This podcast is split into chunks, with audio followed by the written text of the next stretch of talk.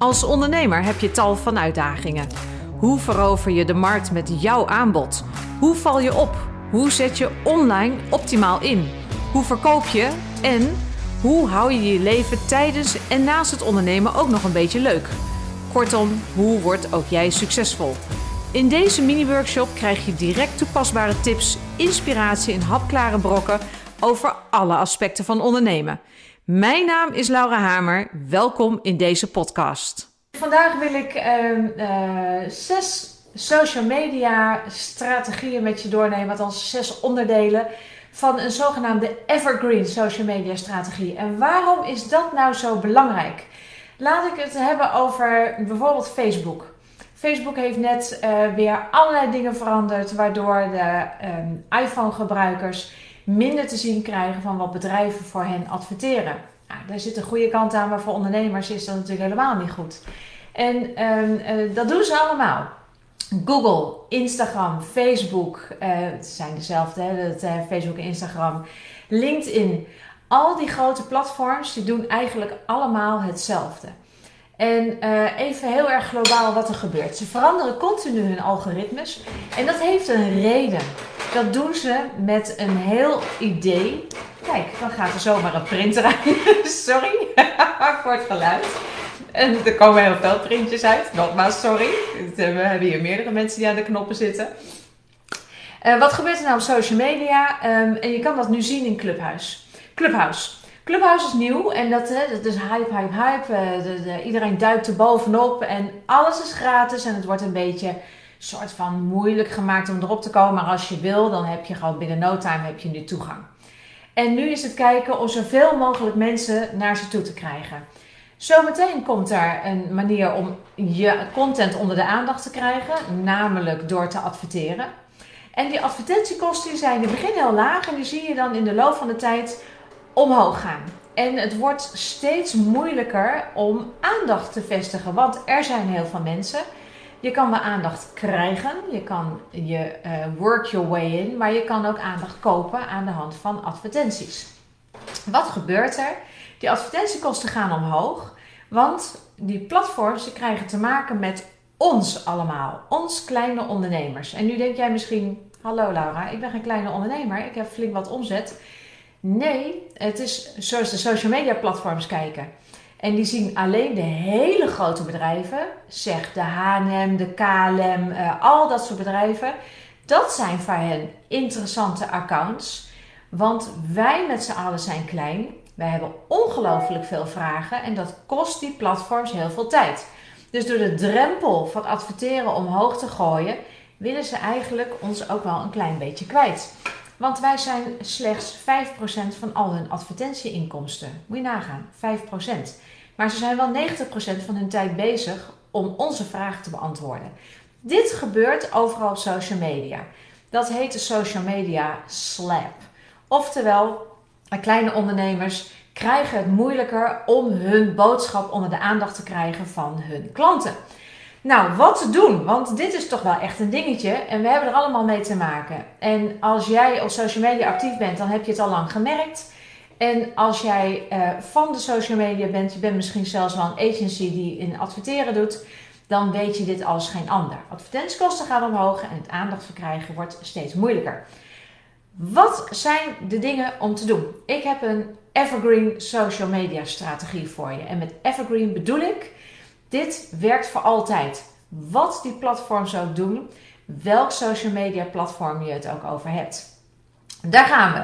Nummer 1. Ja, en daar heb je Laura weer. Ken je droomklant. Ik kom daar continu op terug, ook in onze opleidingen. En daar refereer ik ook continu aan. Zorg nou dat je goed weet wie je droomklant is en in welke van de drie hoofdmarkten hij of zij zich bevindt.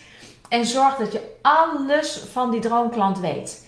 Uh, zijn of haar pijnen, uh, de dromen, datgene wat iemand nu wil bereiken, wat hij nodig heeft, wat hij wil hebben. Kortom, je moet echt alles van die klant weten. En niet zomaar even een profiel op een A4'tje. Als wij profielen maken voor klanten, dan hebben we meerdere A4'tjes. En daar zijn we ook niet een uurtje mee bezig. Daar zijn we continu mee bezig. En de eerste keer zo'n droomklant uitwerken, Dat kost echt een heleboel tijd.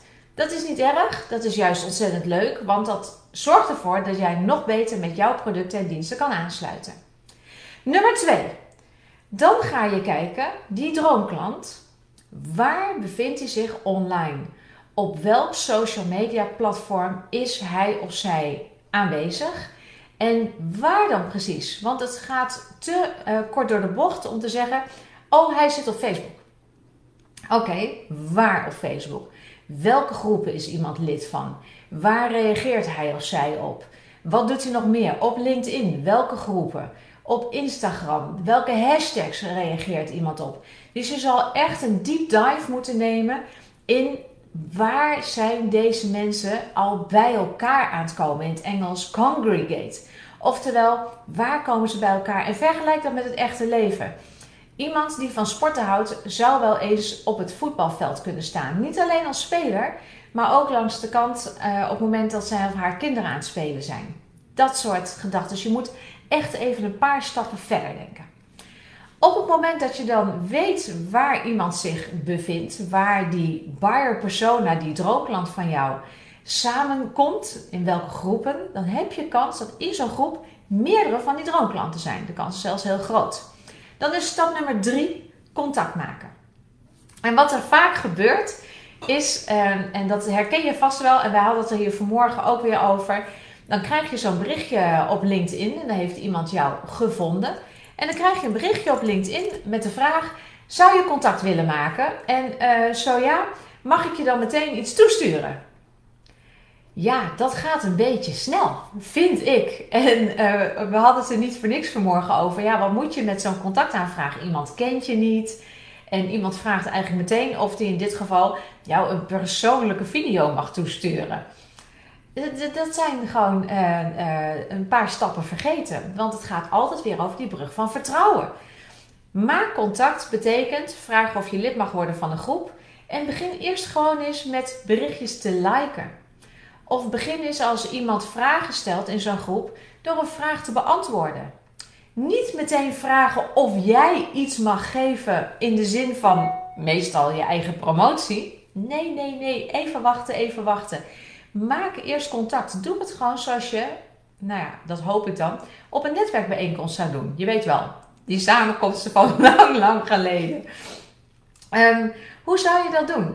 stap je dan uh, op zo'n netwerkbijeenkomst meteen op iemand af, want jij weet dat jouw product fantastisch is. Dat is je passie. Je hebt een missie. En dan zeg je: Hey, leuk om je te leren kennen. Um, ik ben Pietje Puk en um, nou, ik heb iets echt heel gaafs voor je. Wil je dat misschien eens een keer zien? Nee, natuurlijk niet, denk je nu. Dit gebeurt op social media aan de lopende band. Niet doen. Eerst gewoon lekker contact maken. En wat je ook kan doen, stap nummer 4 is aandacht kopen. Want als je nou precies weet waar iemand is, dan kan je heel gericht gaan adverteren. En dan adverteer je met iets wat je gratis weggeeft.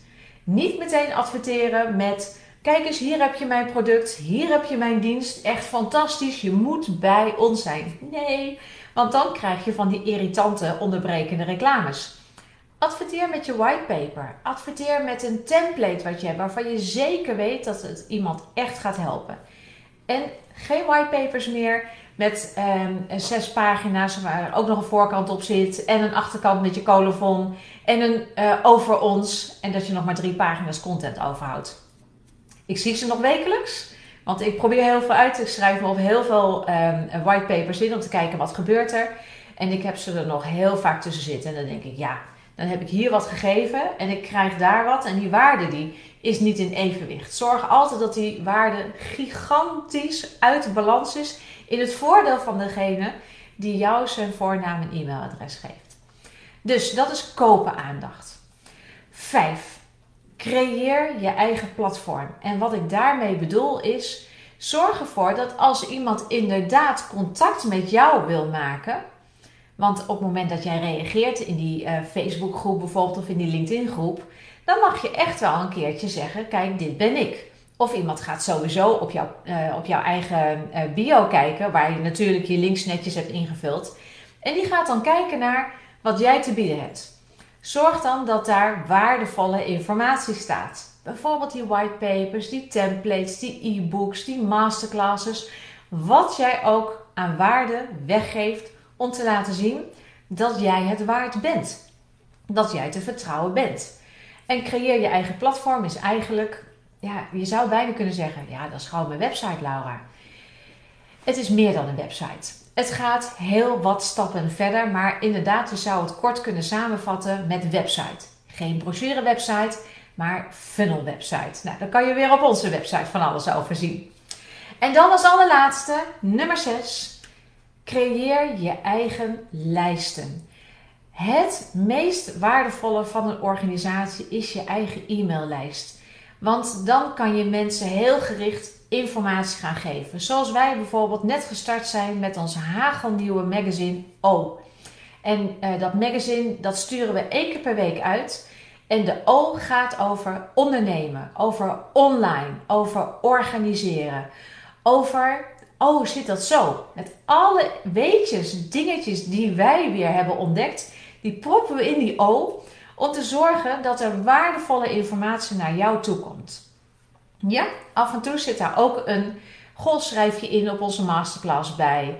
Of we doen een promotie van iets waarvan wij denken dat het waardevol voor je is.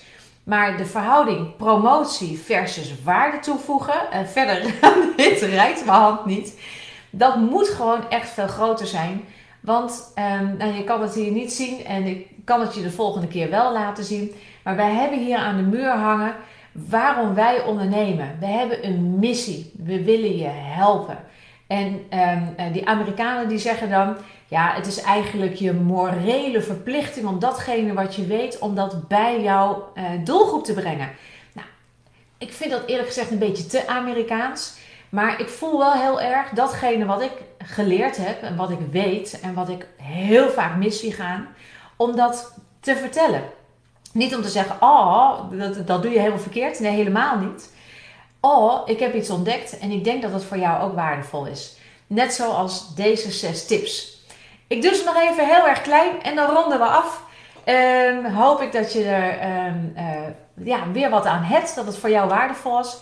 Zet beneden uh, de comments als je die hebt. En misschien heb je wel vragen. Volgende week hebben we weer een ander onderwerp, maar eerst nog even die wrap-up. 1. Wie is je droomklant en in welke core markt zit hij? 2. Waar zijn ze online? Waar komen ze al online bij elkaar? 3. Maak contact. En niet dus op een gekke manier, hè? op een gewoon natuurlijke manier. Bied je hulp aan, hè? daar komt het eigenlijk aan. 4. Als je dat wil en als je die mogelijkheid hebt, koop aandacht. Je kan adverteren, maar doe dat dan ook heel gericht en wel door hulp te bieden. 5. Creëer je eigen platform, oftewel maak een heel mooi informatieplatform waar mensen van alles kunnen vinden waar ze echt beter van worden. En 6. Zorg ervoor dat je zelf e-maillijsten hebt en dat je zelf informatie kan uitsturen. En ik heb het dus niet over advertenties uitsturen of promo's uitsturen, maar informatie, waardevolle informatie voor jouw doelgroep. En dat is evergreen on social media. Want social media moet ervoor zorgen dat mensen naar jouw website toe komen. En uh, social media is de manier om echt contact te maken. Gebruik het als een echt social platform en niet als een advertising platform alleen.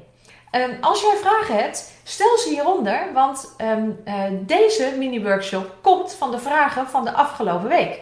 En dat ging vooral over social media en over dit soort dingen. Maar ja, hoe zorg ik er nou voor dat ik gewoon geen last heb van al dat gedoe van bijvoorbeeld weer een Facebook aanpassing? En echt, ze komen steeds sneller, want social media liggen onder vuur. Als je vanmorgen de krant hebt gelezen of het journaal hebt gehoord, dan heb je gehoord dat de volgende maand, volgens mij, in ieder volgende week, begint het al, weer hearings zijn over fake news. Dus die social media platforms worden aangepakt door de overheid. En dat is altijd slecht nieuws voor ons.